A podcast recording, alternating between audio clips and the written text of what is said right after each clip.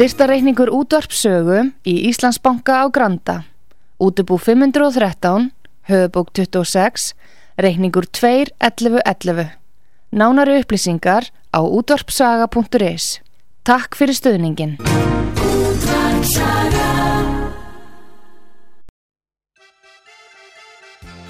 Heimsmálinn í umsjón Pétur Gunnlaugssonar. Fréttir og fréttatengt efni af Erlendum Vettvangi.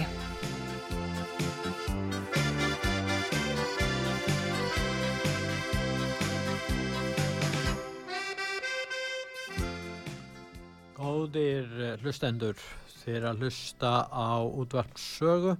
Ég heiti Pétur Gunnlaugsson og ég ætla að ræða með Gustaf Skúlason, eh, fréttamann útvarpssögu í Svíþjóð. Sæl og blessaða Gustaf. Já, blessaða Pétur útvarpssaga. Já, við ætlum nú að um, byrja því að ræða um alþjóða helbriðismálastofnunna og alþjóða væðinguna tengd alþjóða helbriðismálastofnunna. En það er eins og þeir vilja núna fá fullnaðar vald í helbriðismálum heimsins, Gustaf.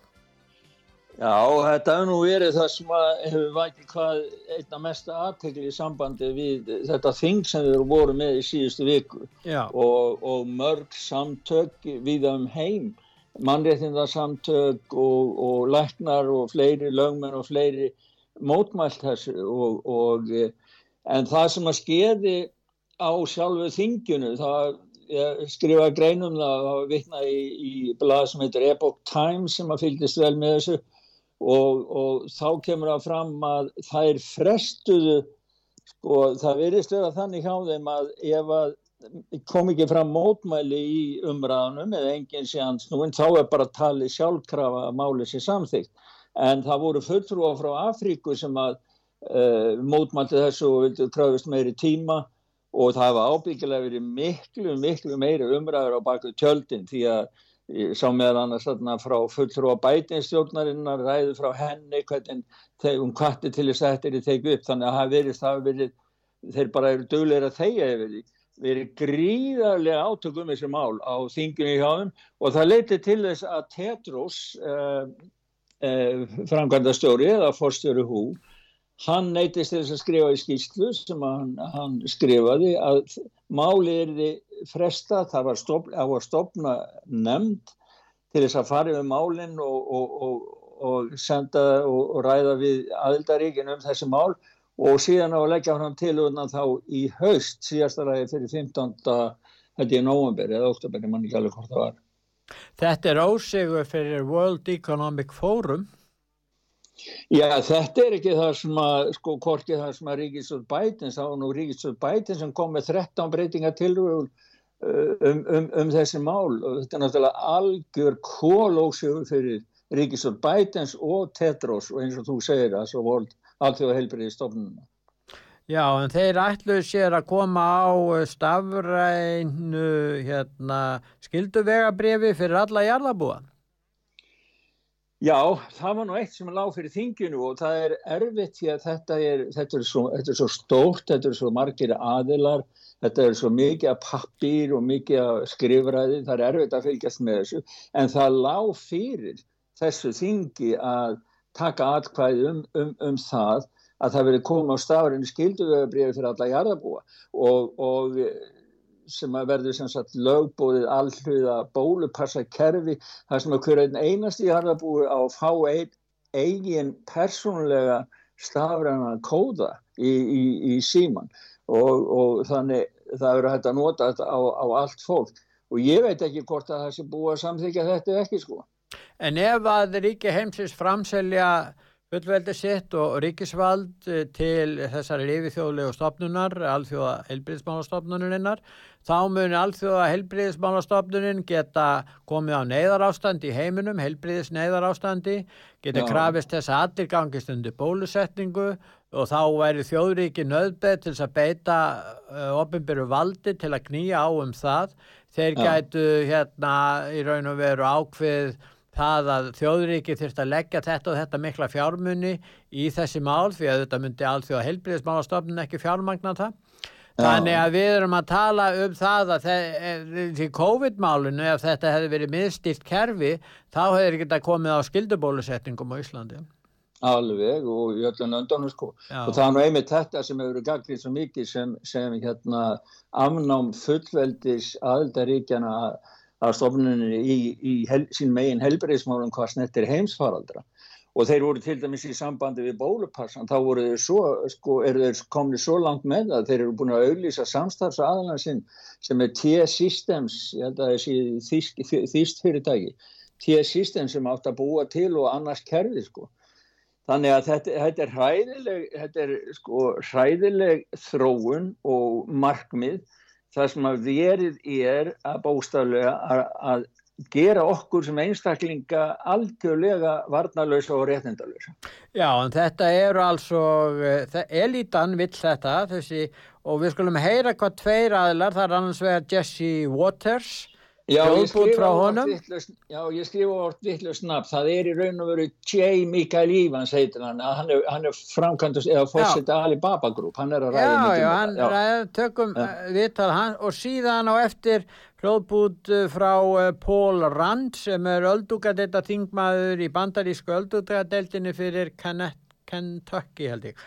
Og, og hlustum byrjum á að hlusta á fyrir bútin We're developing through technology an ability for consumers to measure their own carbon footprint. What does that mean? That's where are they traveling? How are they traveling? What are they eating? What are they consuming on the platform? So, individual carbon footprint tracker. Já, hann er að benda það að nú eigi að fylgjast með kólefnisfótspori einstaklingana og uh, það er svona enn eitt eftirlitið af halvu vantarlega alþjóða heilbríðisbálastofnunurinnar og þetta er svolítið óhugnanlegt þegar maður hugsa út í það því þá er þetta að fylgjast með öllu því sem menn geta og Já. fara og, og, og, og svo framvegis hvernig er haga sér í samgöngumálum og öðru leiti en, en það er þetta kólefnisfótspor uh, þetta er í raun og veru í undirbúningi og þeir, þeir eru búinir að, að undirbúa þetta Já, já, þeir eru að vinna því að koma upp svona það sem ég kalla persónlegum kóltvísiringsmæli og þeir vittna óalega mikið sem að fást við þetta í hérna, COVID-viðbröðun og takmarkaninn, lokanir og annað og, og, og alltaf að reyna að stýra sem sagt neistlu fólks og einstaklinga Já. annars þá, þá, þá megi bara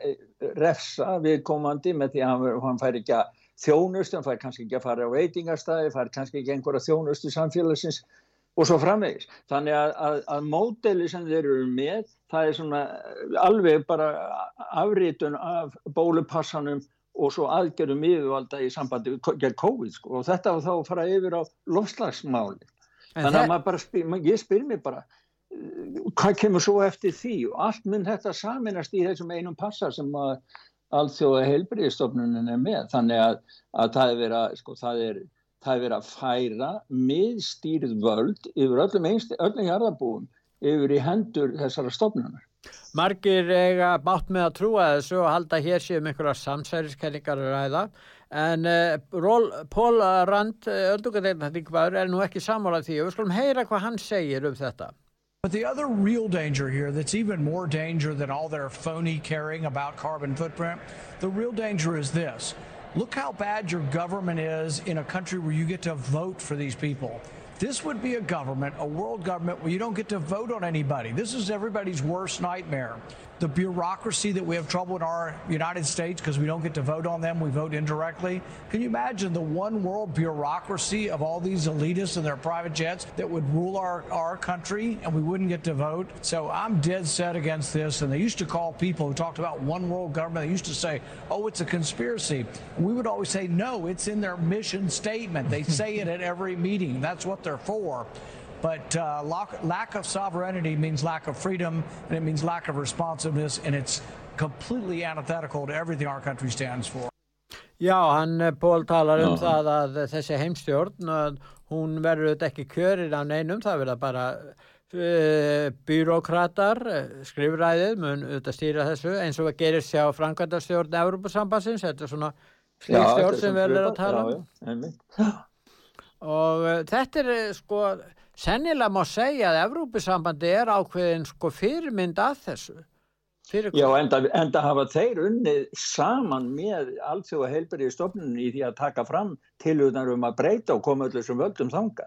Þannig að, þannig að þetta er sami meðurinn, sko. Það eru bara tveir, tveir, tveir álíka stofnunir en sami meðurinn. En ef við höldum áfram með allþjóðavæðinguna þá er það náttúrulega, sko, það sem gerist var það að eh, World Economic Forum var hérna fyrir vonbyrðu með það sem gerðist þarna á þingi, þingi hérna allþjóða heilbyrðismálastofnarinn en það er ímislegt annað sem þeir eru ósáttir við. Þeir eru alltaf ósáttir við þessar COVID-lokanir í Kína og líka að baráttan gegn lofslags uh, uh, hérna váni, hún gengur ekki nógu vel. Hvað segir þú þetta? Já, það var mjög aðtiklisert viðtal sem að eh, Richard Quest á CNN, hann, hann er nú mjög hress fyrirspyrjandi og, og, og, og læti nú ekki hlutin að fara öfugt í munin á sér. Og hann hafði tók Klaus Svappar í, í, í eirað og eh, Klaus Svapp hann var bara mjög, fannst mér hallaríslegur Eh, og afsakandi og gæti ekki komið með neinn gild svör. Þannig að það sem að, að stóð uppröðsi hjá, hjá Quest, hjá CNN, hann sagði það já, er ekki þessar hugmyndir ykkar um það að vera brúa smíðir á milli allra vandamála í heiminum? Ef þetta ekki bara allt sem hann mistekist? Og þá vittnaði nefnit í öll þessi vandamál upptalingu sem þú eru að tala um mistekist með lofslagsmáli, mistekist í efnarsmáli, mistekist COVID Já. og svo fleir og fleir og fleir og fleir. Já. Og við erum líka með sko smá hljóput af því, það var kannski gaman að... Við skulum hlusta á hann Klaus Schwab, við skulum gera það. Isn't the reality though that everything that Davos stands for is on the verge of failure? So why didn't you invite Russians? As soon as the time is ripe. Don't you need a moment of introspection to ask how did it go so wrong? Yes, and we regret it. We have a global economy which is out of balance. And what I want to highlight particularly here is the consequences. Um, we may have little influence on how the central banks decide about the future policies, but we know that if we don't change course, we will have hundreds of millions of people falling back into poverty. We have tens of millions probably dying, possibly of hunger. Já, hann talar um alþjóðavætt efnahagskerfi sé úr jafnvægi og ástandi sé ekki gott en ég veit ekki hvaða úrræði hann hefur á World Economic Forum ég heyrði það ekkert um það Já, nei, mér finnst bara sko, þú voru að kalla þessa, þessa globalist uh, stjórn, þeir, þeir koma bara með hugmynd, þetta er bara hræðslu bandalag. Þeir eru bara að koma áfram eins og, eins og maður sér með sko að, að þvinga allan heiminn til þess að taka, kaupa liv í miljónatali eða bólefni fyrir mm hræðslu, hræðslu áraður um, um að heimurumminni degja úr COVID og síðan með lofslagsbaráttuna þá er verið að tróða upp á, hei, upp á fólk eh, grænum lausnum mm. sem aðalega Kína græðir á og ja. rándýrum vind, ónýtum vindmilum og alls konar svona grænum, grænum lausnum sko og, og, og svo framvegis þannig að þetta, þetta er eiginlega stjórn að fara hræðslunar segi ég og, og bandalega bara gegn uh, sagt, þetta er mér finnst þetta eiginlega bara að vera við, viðskipta bandalega gegn þeim sem hafa verið áður og náðu land Já, en uh, Klaus Schwab hefur talað mjög fallega um kínversk hérna, stjórnvöld og telur að þeir geti verið fyrirmynd fyrir heiminn meðal annars varðandi hérna nú framlega kynverjarnir eh, vindmilunar og sólarorkuna fyrir fremstir þar og, já, já. og vilja gæta að selja þetta út um allt en, Já, hann er nú, við höfum sagt frá því að sko, hann er ég sé myndir af það sem að XI er að hengja orður á hann sko, mistur eh, kommunistaflóksins í Kína hefur hengt þungar orður á mannin, hann er Já. eiginlega þeirra fulltrú á Vesturlandi sko Já. og það er þetta, hann, hann, hann, hann montas að því að hann hafi skapað eða búið til svigrum innan ríkistjórnana vestræðna landa og þetta náttúrulega kannski er kvati sem að flýtir fyrir þessari neikvæðu þróun að vera að taka okkur allt frelsi hérna í örðinni sko. Hann vil og segir alltaf sko leiðtógar heimsins verða hittast hér hjá World Economic Forum í eigin personu. Bæði ríka fólkið og, og, og, og biljóna, já, biljóna, miljardamenningarnir og, og svo náttúrulega stjórnmálamennir, sérstaklega ungir og efnilegi stjórnmálamenn, það þarf svona að hrista á svolítið til. Og þeir mæti í eigin personu og það gera þeir og það mættu mm. þarna held ég 50 leiðtóar eða svona já, já miklu fleiri sko. Og, og já sko sem að voru svona þjóðarleiðtóar þannig að já, já, ég er bara að tala um þá.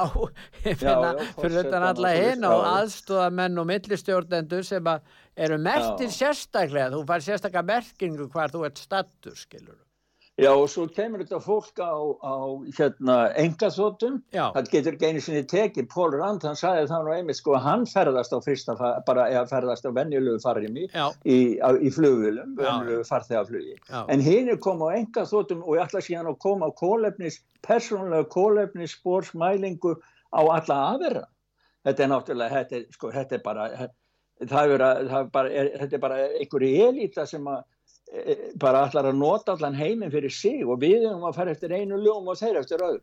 Hann er að tala um það, hann, hann Klaus svapað að alþjóða vætta efnahagskerfið er úr gafvægi, auðvitað út af orkuhækkunum á orkunni, en jáfnframt er þeir ánað með hækkun á orkuverði því að það sé þá lofslagsbreytingana. Þannig að, að, að hérna, þannig eru ákveðna mótsagnir í því sem mann er að halda fram eins og er hjá mönnum sem eru svona Já, já, Úrsula von der Leyen hérna fórsetta Európa-sambassins, hún var nú lýsaði yfir og hún var bara voðalána eigilega með stríði sko í Ukrænu því að það ytti Európa-sambandin að flýta sér yfir í grænu línuna já, því að já. þegar þeir kæmur spurtu frá ólíunni, frá rúsnæsku ólíunni mm. þá er þið bara grænt, grænt, grænt, grænt, grænt, En samt er það nú eh, þjóðverjar og frakkar og ítalir og fleiri í Európa-sambandinu sem eru auðvitað fjármagna innrásastrýð Rúslands inn í Ukrænu svo engilin sem það er og bæten eiðilegur gildi eða, eða hérna, áhrif efnahagsfingana með því að draga úr oljuframleyslu eða orkuframleyslu í bandaríkjónum. Þeir, eftir því sem bandaríkin framlega meiri orku, því þeir eru raun og veru mesta orkuframleyslu ríki heims og geta raun og veru marg stóra auki framlýsluna þá náttúrulega meira frambóð og þá lakkar verðið. En hann vill það ekki þannig að hann er hrættur við rótæku umhverfisvenda sinnana sem að, að hóta honum öllu yllu ef hann gerir ekki það sem þeir segja. Já, og hversu mósarna kent sem það nú verðist já, já, er, er, er, er staðrindi svo að, að rússar stór græða já. á, á hérna, þessum viðskiptaþvingunum Þeir fá miklu að herra verð fyrir voljuna Þeir, þeir hafa þjena grætt meira því núna, þeir græða meira núna í viðskiptaþingunum á herraverðu ólíu heldur en þeir gerðu á Já, það er það sem er. Það er útkoman úr dæminu. Já, það er dæmið. En uh, það er líka fleiri sem hafa ágjör það er aldrei, allþjóða gældir í sjóðurinn og hann er hættur um sko alltaf dollarin, það er verið að búa að prenta svo mikið á dollarum að að hérna það er nú einn þátturinn í þessari verðbólgu, það er þessi gífulega selaprentu dólarn, sérstaklega í tíð núverandi hérna ríkistjórnar í bandaríkjónu oh. og uh, þeir eru, alþjóða galdris uh, þjóðurinn segir að hækkerfi heimsins er í já, erfiðustu stöðu sem að hækkerfi hefur verið frá lokun, lokun síðari heimstyrjaldrann. Já, þetta kemur sko núna á þessum tíma að bara koma fréttir úr öllum áttum frá stofnunum annað og það tala allir um 20, sko, eins og Klaus Schwab sæði, 20, sko, 10 eða 20 miljónir manns munu degjur hungri. Þannig að, að, að það er eins og það er bara stefna öllu í það og svo hérna, svo hérna Sko þegar maður kíkir á, það er nú smá greina um hvernig staðan í einogunin í heiminum er. Já. Að það, það eru bara tvö eða þrjú eða bara lítill hópu fyrirtækja. Sko við sem erum vannjulega neytendur eins og þú og ég og fleiri og til dæmis þegar maður er að velja á milli Coca-Cola og Pepsi þá heldur maður, já þetta eru náttúrulega keppinautar og einn gerir svona og hinn gerir hitt og við veljum. Já. Nei þakkaði fyrir, þetta er sam, orðin sami eigandin í dag Já. og svo, svona er þetta í, í grein eftir grein eftir grein að það eru, sko Vanguard og BlackRock eru nefndir mest í því samhengi að, að, að heimurinn og það er ágættis myndið um þetta af manni sem heitir Tim Gílens á heimasíðu sögu þar sem hann talar um samþjöppun og krossegnar hald fyrirtækja heiminn og þetta náttúrulega þegar við tölum um globalistana þá eru það náttúrulega fulltrúið þessa manna eins og til dæmis fulltrúið Livjarísana sem voru þarna á Davos Já. allir að tala um það nú ætlaði að henda miljör, ekki bara miljónum heldur sko hundruðum miljóna og miljónu skamta sem bæði bandaríkjastjórn, Európa-sambandi hefur borgað fyrir sem átt að gefa til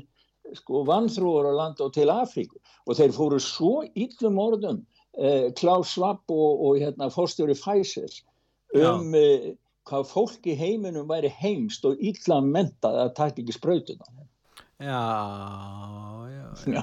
á, á Davos sko Já, en, en það er svolítið sérkjærlegt sko, það, það er engar yfirlýsingar frá, því, frá þeim hva, hvernig staða þessa máli er. Það sagt við okkur við komum til með að lifa með COVID. Ég meina er COVID að enda? Er, er, ég meina við fáum ekkert að vita í raunum um stöðuna. Og erum enn að segja og þeir að gefa skýn að það þurfa að spröyta fólkið í Afríku og Indland og annar staðar og sérstaklega börnin og allstaðar og bara halda því áfram að fullu krafti. En af hverju? Er COVID til staðar ennþá?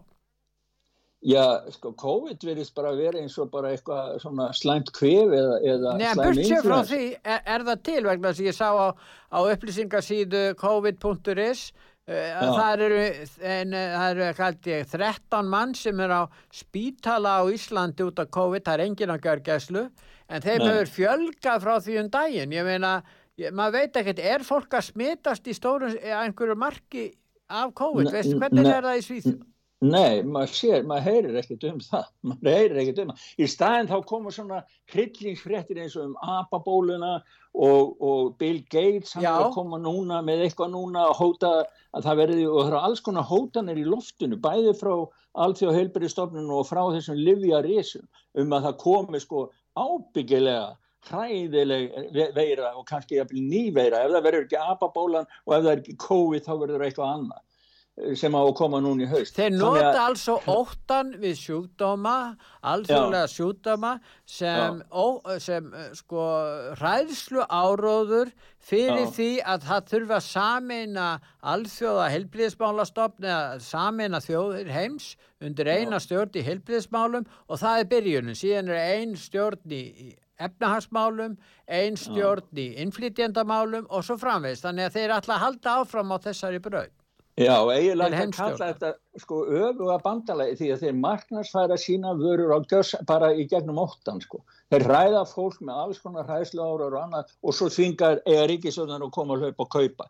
Og það eru sömi sem haldaði fram að COVID sé stærsta rán sögunar og, og ef við sem erum frá Ísland og við veitum hvað það var með æsef þegar þeir reynsuðu upp alla, alla sjóði sem voru til og annað að þetta sé bara æsef bara í lífabransanum á heimsmæli hverja En það var aðteglisverð grein sem er á vefsiðin útvarsaga.is að það er forstjóri Livjarisa í Spán, á Spáni laug um COVID-bólusetningastöðu sína og sæðist vera hérna bólusettur en var það ekki og það eru 2200 aðri þjóðþekti spánverjar sem eru verið að rannsaka jafnvel af hálfu löglu vegna þess að þetta fólk hefur verið að beita ólöglegum aðferðin til að fela í raun og verið þessi mál og segjast vera bólusettir en voru það ekki. Þetta er alveg sko, það bara data mér andlítið sko, ég bara rakst á þetta og tilvinnulegila og, og þessi maður sem er nú sko Josi Maria Fernández Sousa Faro hann er fórstur í Evróska Lífjarísans Farmamar. Og þá er talað um það. Hann á yfir höfðu sér sakamál vegna þess að hann keipti fyrir, hann keipti fyrir að láta falsa bólusetningavotor þar sem hann, hann sagt að hann var í bólusettur en hann var ekki bólusettur. Síðan kemur í ljós að það, það var einhver læknir í eh, hjúgrunafræðingur og La Paz háskóla sjúgrásinu samkvæmt Eurovikli News sem að, sem að hafi tekið á móti yfir 200.000 eurum sko. það eru yfir 2 miljónir sænskar 30 miljónir íslenskar Já. fyrir að hafa skráð skrá 2200 manns rá, ránglega sem bólusetta sem sagt gefið þeim skráningu En af hverju voru þeir að þessu? Ég, það er nefnilega spurningin. Kanski vita er um eitthvað. Ég meina það er alls konar fólk í þessu, bæði, bæði sem sagt úr viðskiptalífinu, þekkt fólk og það eru þekkti rappara tónlistafólkarna, þekkt íþróttafólkarna. Það eru nokkuð nefndaða, bæði fyrirvægandi olimpíu fari í strandblaki, Jósef Lúi fyrirvægandi nefaleikamaður, viðkendir og virtir læknar, eh, Veronika Eitjú í leikona, Bruno González Capera knattbyrnumæður, Kid Keo og svo Trintiri og Casanova, ég veit ekki, það heitir nú Casanova en eitt ríkastir maður spánar og svo framins og framins, listin er upp á 2200 manns. Já, já. En hvers vegna, ég, ég meina, þau hluta að óttast eitthvað, ekki, þau greinilega vilja ekki láta bólusetja sig, heldur kaupa, hafa fengið aðstöð til að kaupa þetta og verðið á fyrir falsa bólupassa fór eftir í hvað hva, hva stöðu þú hafðir í samfélaginu sko. Þeim en hærri sem þú varst hefur meinað þú eftir að borga. Já, ja, það er kannski ágætt að rukka elitunum svolítið meiri í soknun já, já, en hugsaði eins og þú segir þetta er alveg rétt spurning sem þú ert með Pétur. Af hverju eru aðeins þetta íti bara undir það sem við höfum verið að tala um alveg frá upphafið þess að farandus og útarpið sögur ég menna um, um það að þetta sé ekki allt, allt uh, stert strókið Já, það er líka, mér finnst svo enkenn sem er að gerast núna eftir Omikron veiran var og hún var ekki hættuleg eins og hinn veiran og, og, og síðan e, fjölgaði þeim verulega sem að döðsföllum af vegna Omikron veirunar sem að menn átt erfitt með að skilja og síðan er segja að við verðum að lifa með þessu Nú síðan er engin lengur með, með eh, þessar varnir lengur, ekki hér og Vesturlandu, hér eru fjölmarkir ferðamenn, maður sér hverki neitt með grímu, annars líkt og menn Nei. líta svo á að þetta sé bara bú, þessu sé lokið, en við heyrum ekki frá heilbríðsífuvöldum um hvernig staðamálsins er. Eigum við að lifa áfram með COVID eða er einhver annu stað að komin upp? Við eigum rétt á því finnst mér, Gustaf að almenningur fá að vita stöðuna. Við fáum ekki að vita neitt, það er ekkit þrýeiki sem kemur fram og segir okkur hvernig staðan er í dag. Nei, en það eina, eina sem er það er það að, að, að, að Európa-sambandi hefur sagt að það er alltaf að tryggja það sér til nægilega mikið að bóluefnum því að það verði öruglega farandur í haust sko. Já, að nota gamlu COVID eh, hérna bólu bóluefnin á einhver alltaf veiru kannski. Já, kannski það, það Já, já ég meina hún getur dögað á þetta. Þeir voru nú að segja um apabóluna það var eitthvað annur önnur hérna, annur, annar bóluefni sem að, efni sem að gæti nýst hugsanlega gagvart apabólunni Það er eins og þeir sé að reynsa lagari hjá sér, skilur. Þetta er, þetta er, þetta er, þetta er árið svo geðveikt og það ganga svo mikla sögur í kringum þessa apabólu. Einsagan er svo að hún hafi sloppið út af, af rannsóknar stofi bandaríkjamanna í, í Úkrænu. Jó. Já, það er einn saga, það ganga. Átt ekki, það var einhverja sögur að menn hefðu nú haft einhver náinn samskipti við apa og síðan hefðu þetta dreifst út í mannfólki, ég veit það ekki hvað þetta er. Já, já, en þessi, þessi, þetta er ekki neinn ný veirutegand, þetta, þetta er veira sem er búið að vera til í Afríku, en hún bara... En hún, hún berst frá dýrum yfir til manna með ákveðnum hætti. Já, já, og svo berst hún á milli manna með ákveðnum hætti líka. Já, já. Að við kynmög Karla var sagt Karla, já. já, ég veit ekki þetta, er, þetta minnir svolítið að hái vaffirinu uppalega þegar við erum að fjalla um hana Já, en en mér skilst að þetta sé sko, það, ég held að þeir hafa sagt að hérna í Svíð og það var engin ástæð til að hafa áhyggjur af þessu, það var tvö tilfelli verið hér grein sko. En við þurfum ekki að lifa með apabóluna eða? Já, en, en, en í, í bandaríkjanum að þá er nú samt sko þá var smittsjúkdómastofnunni hjá þeim CDC, hún og fara með upp, viðvarinu upp á stíð 2 þar í sambandi við þessa hafabólu ég veit ekki alveg hvað það þýðir sko. nei, nei. það er, þú veist, þetta er nei, það er svo mikið rugglingur í þessum helbreyðismálum í heiminum og það er út af því að það er verið að, að bara hreinsa uh, ríkishýstuðnar hjá löndunum Nú við ætlum að taka stutt ölsingarlið og eftir ölsingarlið þá förum við til Úkrænu og Svíþjóðar að sjálfsögðu já. og heimsækjum þig og eftir hérna Gustaf já, og gott. hérna það er, nú, já, það er nú skarra ástand í Svíþjóðin í Úkrænu en, en það er nú ábyrgd á báðum stöðum Já, stundum getur maður haldið að það væri jafnvel verða því að það búið að vera svo mikið í fréttunum. Já, við Ja, tölum, um það, við tölum um það á eftir. En við skulum hlýða núna á Elsingar þegar að hlusta á útvars sögu.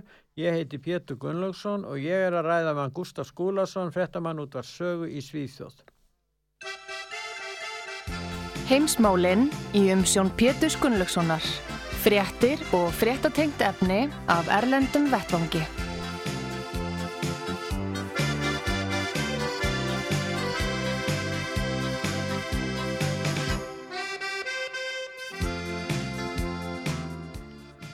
Góðir hlustendur, þeir eru að hlusta á útvarpsögu. Ég heiti Pétur Gunnlaugsson og ég er að ræða við hann Gustaf Skúlason í Svíþjóð.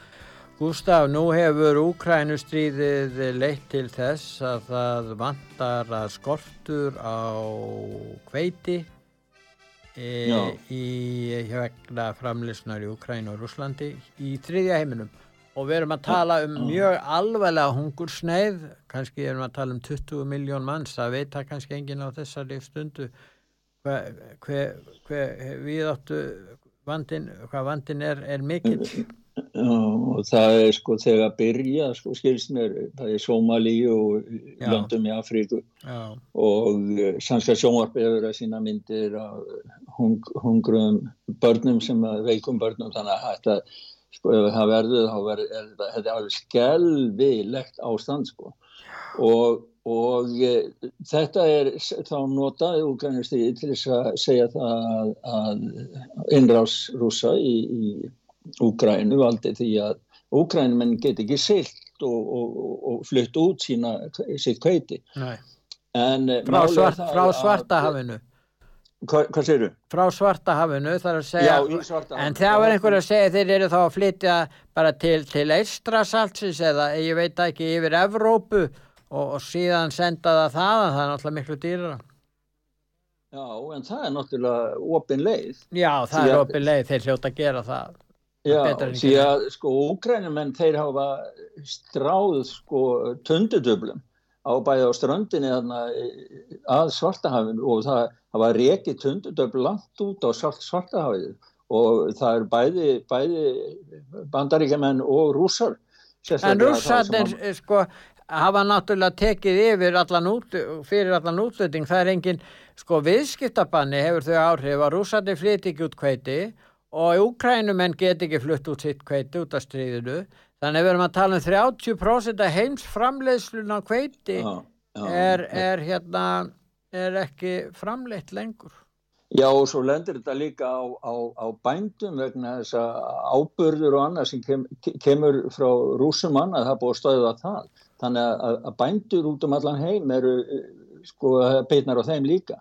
En, en, en máli er það að rússar þeir vilja bjóða mannúðlegar sem sagt opnaða leiðir yfir svartahafið ef að úkrænumenn plokki burtu tundudöflin og að þeir fái minka, sko, geti verslað með þannig Já, að þeir verði- vilja taka á viðskiptaþingunum gegn Já, þessu. Þetta er já. altså, það er verið, að, það er verið raun og verið, þetta er, þetta er bara viðskipti með, Já, annars já, vegar þeir- látum við kveita af hendi gegn því að þið dræju viðskiptaþingunum. Nú vitum við að bæti mun ekki gera það og pólverjarnir og aðrir ekki, ég veit ekki með þjóðverjana og, frakkana, þeir náttúrulega, ég held að þeir vita ekkert hvað þeir vilja held ég. Þjóðverjar og frakkar, hvað heldur þú? Nei, nei, já, nei, þeir eru, þeir eru voðalega, þetta hefur kemur, kemur voðalega skengeli út og sérstaklega Mjög gagvart þjóð, þjóðverjum, sko. Þeir voru á fundi, Emmanuel Macron og, og, og hérna, kanslari Þískalans líka, á fundi, fjárfundi með, með, með Putin upp 80 mínútur. Þeir voru að tala við hann. Þeir eru í raun og veru að reyna hvetjan til þess að,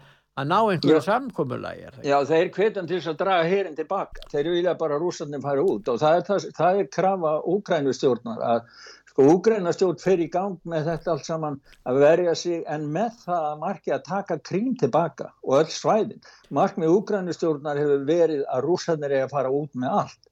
En rússarnir Þeir, þeir eh, hafa náð árangri núna, þeir eru að króa inni, það, er mestu, það getur orðið úslit á orðista í stríðinu núna bara á komandi vikum, núna í Donbass, þar sem að þeir eru eiginlega að umkringja megin lungan úr úkrænska hernum.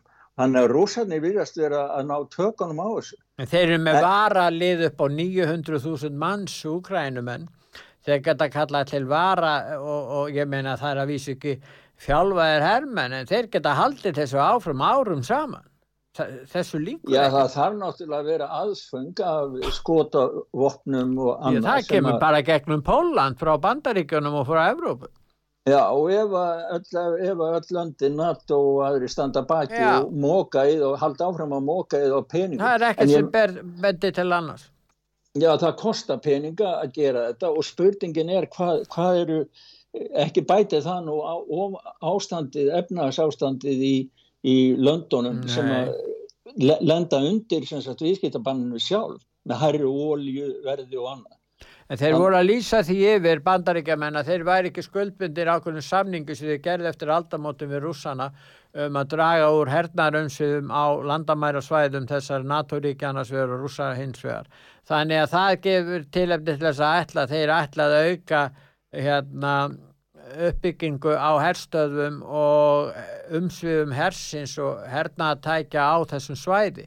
Þannig að, að, að það er alltaf fullri ferð þarna. Já, það er það sem þeir eru að gera og, og hérna og það er nú það sem að bæði, bæði það er línar sem að George Soros stendur fyrir og en ekki Kissinger eins og við rættum um ja, hann er nú svolítið sérkjörlur hann, hann segir nú hann er sundum herskár hann, hann var í Davos og þar vild hann að, að Úkræna gengi að skilmálum Rúslands sérstaklega með öryggis hagsmunni Evrópi huga því hann segir að með svona áframhaldi þá bara endar Rúsland sem veikt eh, og veiktir eh, eh, veldi, kjarnorkuveldi sem er bara ítt inn í faðum kynveskra Já, í samstarfi, samstarfi Kína. Já. og svo í sambandi svarta hafi sko og, og, umræðunar um að flytja að Úkrænum getur flytt kveiti, þá er það krafa frá Breitland og einhverju öðru landi að að NATO fari með herskip sem að fylgi hínu skipunum og e, sem sagt flutningarskipunum og rúsanir þvertaka fyrir það og segja að það muni auka allt að vika út stríði og núna var hann hérna Jano Kovic fyrirvændi fórsættu Úkrænu að koma með svona, útspil sjálfur. Hann, hann segir það að staðan í stríðinum núna að sé þannig að það blasir algjör tortiming á fullveldu Úkrænu hann sem sagt gefur það í skín að rúsa séu að ná þarna sko þeir eru komni með landsvæði sem er yfir 100.000 ferrkilometra meira heldur en það hafðu áður Já. sem að þeir ráða yfir núna og, þeir, og það bætist við á hverju meinasta degi. Og e, þannig að hann segir það að það besta væri að Rúsland fengi að vera bara, það er ekki að samningur, Rúsa fengi ákveðin landsluta af Úkrænu og á, gæti ég að vil fara svo að að önnur landsvæði sem að rússatækja ekki myndi þá ganga saman við Póland en það er nú svona það er... Já, það er já, Pól, það er þið stemt að stóru veldi Pólans það sem að pólverjari hefðu völdi í, í Litáen, áhrif í Kvítarúslandi og, og Úkræn er þið hluti af Pólandi eins og var einhvern tíman í eldgamla daga. Já, hluti af Pólandi Þeir hafa þegar rætt um það bæði Selenski eh, og Andrei Shea Duda fórsettur Pólans að þær ætla ekki að hafa lengur landamæri á millisín það nei, er markmið á þeim já, já, já en, hérna, en það kemur nú í ljós að það er kannski ekki það eru ímsar útgáfur af þessu að, hvernig menn vilja leysa þetta. Sumir eins og að staðan er núna leysa þetta á vigvellinum, dæla vopnum til Úkrænu, þeir þjást og þeir verða fyrir tjóni en þeir veika í afframt rússana. Þetta er einn stefnan Önnur stefna er svo að hjá einhverjum að það vilist vera fámennur hópur sem vill bara fríðar um leitanir og reynir veginn að stöða þetta. Og það munir mm. þýða það að Úkræna verður að láta af hendi landsvæði en aðri segja að það sé bara ótækt. Þannig að það eru svona einsar útgáfur en við erum með hljóðbút uh, frá fyrverandi fósita bandaríkjana, hann flutti ræði já. í Wyoming í, í hérna nýlega Gerkvöldi, já Gerkvöldi og ef að heyra hvað hann segir í hérna Donald Trump hvað, já, um Ukrænustríði, hann, þetta er mínóta sem fer í þetta, hann skulle lusta That country is being blown to pieces People are being killed at a level that nobody's ever seen. None of us have ever seen anything like it. and it's a terrible thing, and you're not going to have any winners. It's something they ought to get back to the table. That would have never happened. It should have never, ever happened. Should have never, ever, ever happened. And it would have never happened. Sleepy Eyes Chuck Todd from NBC was interviewing the Secretary of State, and he said to him, Let me ask you a question. How come this never happened under the Trump administration? Under Bush, they lost Georgia. I'm not talking about our Georgia that we love so much. I'm talking about a different Georgia, a country. Under Bush, they lost Georgia. And then under Obama, they lost Crimea. And under, under Biden, they lost everything. Everything. And under Trump, they lost nothing. Nothing. They lost nothing.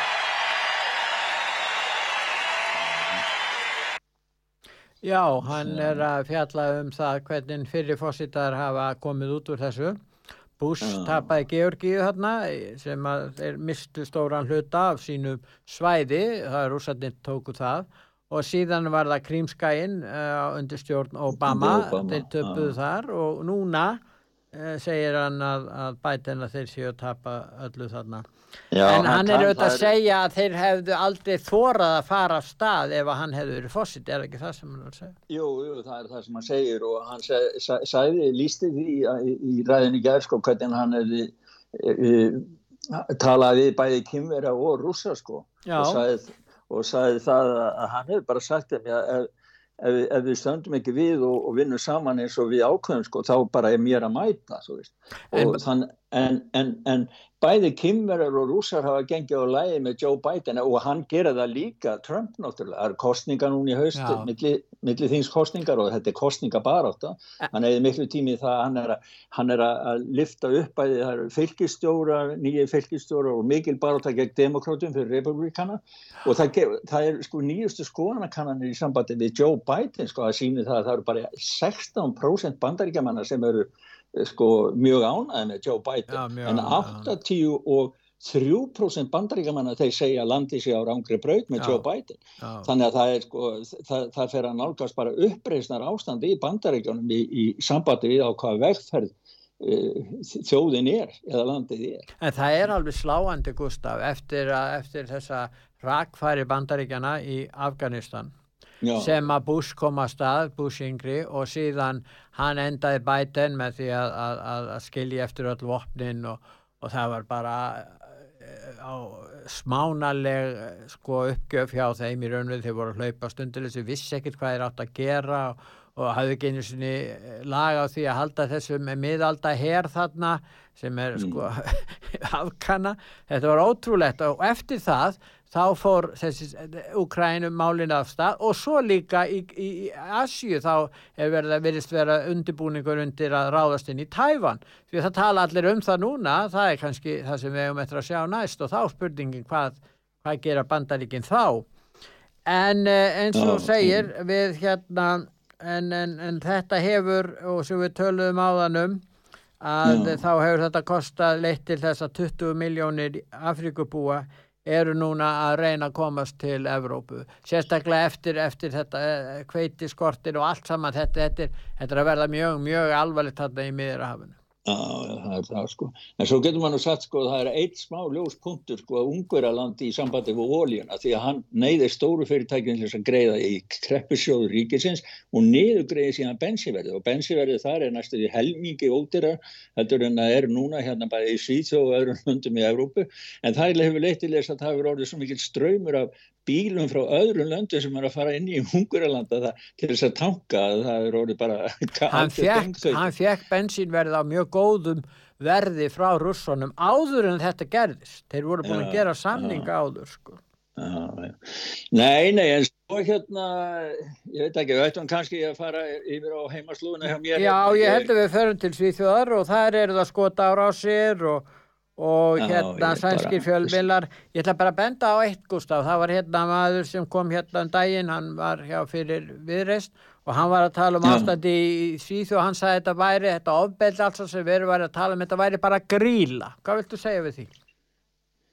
Já, ég, ég, ég myndi nú segja það að hann, hann eh, er nú ekki, ekki nákvæmið með sannleikan Nei. og ekki, hefur ekki mikið náhuga því að, að grafast fyrir um það hvað er satt og rétt og þetta er kannski sett fram á honum í einhverjum eigin hagsmuna tilgangi. Ha. Þetta er þingmaður sem að vilja við göngum í Európa-sambandið. Já, hann lítur að, hvað er hann að verja með þessu? Ég menna, ríkis og svíðsjóðar og kratar sem að líka undir mikill gaggríni hérna vegna þess að það er alltaf afturlöpunum, þeir eru búin að gjössanlega missa tökin á óbyrdistrúnin í Svíðsjóð annarkvæð lögumæður er til dæmis að tala um það núna að segja upp störfum, margir hafa þegarskættu störfum og skotar og þessar hafa þrefhaldast þrefhaldast fyrstu þrjá mánuði ásins í Svíð og núna miða við sama ári fyrra og ég meina gríla, gríla, já það er auðvöld að sitja upp á Ísland og tala um eitthvað annað heldur en sannleikan sem að fólk, venjulegt fólk mætir inn í Svíð en á hverju er hann að því? En það eru sumir ánaði með ástandi í Svíð og eitt segir hérna, það er mykkuð bra í Sverige og það er engin annan að Hassan vinnur okkar Somalinn sem á hvað, nýju börn og hefur ekki gert handag og þarf ekki að vinna og bara hefur það fínt. Hvað segir þú það? Hann er ánæður hann. Það var viðtalið við hann, þetta, er, er orðið þjóðfrækt viðtalið í Svíþjóð og það var náttúrulega miklar umræður um þetta. Hann hefur ekki unni handtak í, í, í sem sagt, hann hefur verið á framfærslu ríkisins skattgreinenda í 11 ár. Hann náttúrulega er margra barna fadir, hann á nýju börn og varði ekkert fyrir tveimar ár síðan, þannig að það hann hefur kannski sjálfsagt mjög mikið að gera í því, í þeim heimilistörum og uppeldi. En hann líti ekki svo á að, að, að þau muni fara og hafa föðusinsi fyrirmynd í atvinnumálum, hvað heldur þú það? Já, alveg verið glært. En það er líka annað í þessu því að sko, hann, hann var notaður í megin fjölmjölun hérna til þess að sína hvað var gott að vera flóttamæður í Svíþjóð því að hann sagði Svíþjóð er gott land og, já, og mjög gott að lifa í Svíþjóð.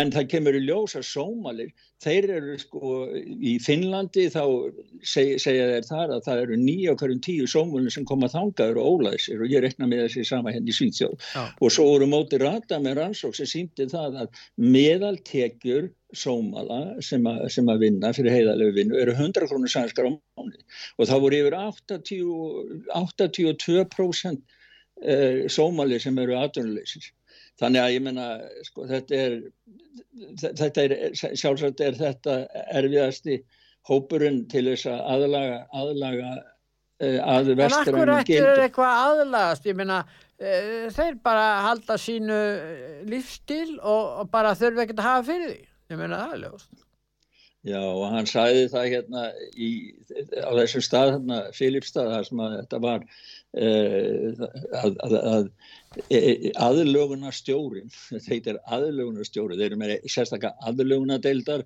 aðlögunarstjóri Sveitarfélagsins að sagði það þegar í, í viðtalið við, við Sænska sjónvarpi árið 2019 við erum að skipta út íbúinum mönnum á finnast hvað sem er um það, það fyrir eftir í hvernig þeir eru lagðir. En þetta er bara staðhæfing um staðreindir að þetta er raun og verið það sem við erum að gera og þess vegna verðum við að halda okkur við það. Þannig að það er sko umræðuna hérna í Svíþjóð, það snúast um, um sko þennar slappleika og að vera að taka inn og það er að koma núna nýja reglur, það er búið að finna upp nýtt heiti atvinnuleitendur atvinnu umsækjum le, leitendur sem að fá bara rjóma þeir fá bara sjálfkráa nýju mánuða landistæðlegi til þess að leita atvinni hérna í Svíþjóð. Þannig að sko það, það, það fækkar ekki þeim sem er að koma í það. Nei, nei, en það er líka annar hópur sem er ánæður, það er þessum stiðja Íslamska ríkið, þeir geta svona unnið að því máli að endur þess að Íslamska ríkið með því að að styðja uh, þá sem að þar eru og senda sjálfsagt peninga til þessa hóps. og það er ekkert sem bannar það að styðja Íslandska ríkið er það í, í sænskum það er engin hattusákvæði eða hattuslaukjöf sem bannar að styðja hemdaverkasamstök og, og svona, ís, eh, svona rótæk hemdaverkasamtök eins og Íslamska ríkið Já, það er nú verið þannig að það er ekki ólöglegt að vera með eins og meðlum er í hriðverkasamtök Nei, nei. Þannig, þannig, ekki þannig að það er skerða mannrættindi fólks að velja sko. Nei, en þannig að þeir aðhyllast sjarjalögin, berjast fyrir því að koma tíu á, eru hryfnir á Íslam, nú eiga þessi börn eins og þessi nýju börn og, mm. og vinna náttúrulega ekki neitt, það er náttúrulega fyrir neðan þeirra virðingu, þeir eru að láta þessa trúleysinga auðmingja vinna fyrir sig, eða ekki? Það var nú eitt hérna, já, já það, það er eitt hérna fræðum aður, Mikael Króna sem var í viðtali við sænska sjónvarpið og Dagins Nýheter var að skrifa mikið um. Hann rannsakkar sko hriðverkarsamtökin heilastriðsmenn og Ísis og hann er að vara við því að, það, að því að hann hefur fylgst með að það eru sænski ríkisborgar sem eru í því, þeir eru að sapna lið og alltaf vekja, vekja sellur út um Evrópu og, og það á að fara í gang að draga, draga í gang stríð aftur, hriðverkastríð og það sem er meðan Stokkólmur er, er, er lístsins skotmarki og núna til þess að endurbyggja komu Íslenska ríkisins. Íslands, Þannig að þetta, þetta er ekki gott sko. Þannig að þegar Erdogan segir að Svíþjóð sé Eh, staður eh, fyrir hriðverkamenn þá, þá hefur hann rétt fyrir þó hann kannski hafi, hafi ekki rétt fyrir sér akkurat hverju það er hann, hann sendi, hefur sendt fyrir kröfulista um það að, að Svíþjóð afhendi Tyrklandi 22 það sem hann kallar hriðverkamenn og sumir af þeim eru, eru stjórnmála með henni í Svíþjóð sko. þannig að þetta Þetta gengur aldrei. En nú er það sérkjörna reglur að verða til hérna í Európu. Það eru reglur fyrir ríkistafsmenn í Breitlandi að þeir verða viðkenna að það séu til 100 kyn, ekki 2 kyn. En verða er að kunna geta talið þau all upp og, og skilgreint og veistu það? Já, sko, þeir eiga að skrifa það í tölvubrjónu sínum hver, sko, svona, hvern, hvaða kyn ímynd þeir vilja aðrir ávarpi sig eða þeir hafi. En hundra talsins, ég meina hver, hver á að vita þetta Men, hva, ég... Er það þannig? Hver, hver bjóð til þess að hundrað hérna kynja kenningu? Já, þetta er samkvæmt Daily Telegraph sem er með heimildamann innan, innan ráðuneytana Já. og þar er verið að koma upp sko, það er, í, er íhaldstjórn í Brellandi svo kvöldust Já, og það ákoma á alþjóðlegum afrodegi til þess að vekja aðtegla á fordómum gegn afróhári, það er bannan á orðið brjálagur vegna þess að það getur verið móðgandi fyrir geðvitt fólk, það koma á fóti minningadegi fyrir transfólk til þess að sem eru orðið fyrir ofbeldi og til að fagna transfólki. Er það almennu frítagur þá? Ha? Er það almennu frítagur? Ég, ég veit ekki, þetta, þetta er þróurinn og það er til dæmis þetta sko, það má ekki lengur nota kynskipt tungumál, það er það sem þetta gengur út af sko, það má ekki nota orðin eins og hans, dömur, herrar og móður og fadir. Ladies and gentlemen, má ekki segja ladies and gentlemen eins og maður byrja að ávarpa einhvern... Nei, nei, það má ekki og nú eru flugfjölu, en það eru stór flugfjöl sem eru, nokkur er að hafa í, í marga mánu, sem sagt að flugfræðnar eða flugstjórin má ekki lengur segja ladies and gentlemen og nú getum maður bara hertið að góðan daginn farþegar mínir þetta er flugstjórin hinn sem tala það má ekki lengur segja döm mínar og herrar skilur foreldrar eða maður og kona eða móður og fadir það má ekki dag þú veist að fyrsta Nei. íslenska skálsam var piltur og stúlka og Jón Tóruðsson svo kom sagan maður og kona Hún, það verður bann. Það, já, það, það verður stöðva svona, svona þetta er náttúrulega gengur ekki svona, nei, nei, þetta er allt sem að það verður ekki haldinn bóka og, og, og plötu brenna já, ekki, já, já, já og til dæmis, en það sem að slón út fóra alveg með þetta í gegnum uh, þakki, sko, það var það er að, að hérna, samtök náttúrufræði kennar í bandaríkjánum þeir, þeir eru búin að senda frá sér leiðbynningar sem heitir handbók sem heitir Lífræði án aðgreininga kynjana, stefna í verki Já. og þar má ekki nota þessi hugtök, fóreldar, karla, konum, móður og fa fadir, í staði fyrir og við bara setjum nú fast í stólunum, í staði fyrir þá er til dæmis karlmar, að maður kalla hann XI eða kona XI, ég veit nú ekki alveg hvernig það er og XX eða þá fóreldra, það verða sko gena gefundur eða þá og svo, svo móð, móður það er og maður, kona og maður það er personur með eggjastokka og personur með eistu Já. þannig að sko hann skrifaði það lögfræðingur, mjög skemmtilega lögfræðingur Jonathan Turley, Já. hann sagði það já, þetta er nú samt sem að vera genn þá komið það langt þannig að, að dagur pappadagurinn, dagur föðursins verði líst eða gerð krafnum það hafi verið breytt í eistna dag hafingi sömu manneskjuna Já, þú menna það. En við, ver, við verðum hérna að spila, spila eitt lag uh, eftir uh, sem að tónlistamæður Andy Abraham spilar. Að heitir When a Man Loves a Woman. Og að, við verðum að spila þetta áður en það verður bannað þetta lag When a man loves a Já, woman. verðum- þú, verðum að gera það, Pétur. þú verður að gera það. Við skulum enda á laginu og minna fólk á það. When a man loves a woman er ekki kannski samræmi við uh, pólitíska rétthugsunar síðgæðið sem er verið að innleiða núna á Vesturlöndum Já, ég, ég ætla að njóta þess að hlusta á lagið. Gerum það, þakka ég fyrir Gustaf Þakka þér fyrir, Pétur. Blessaður Bless.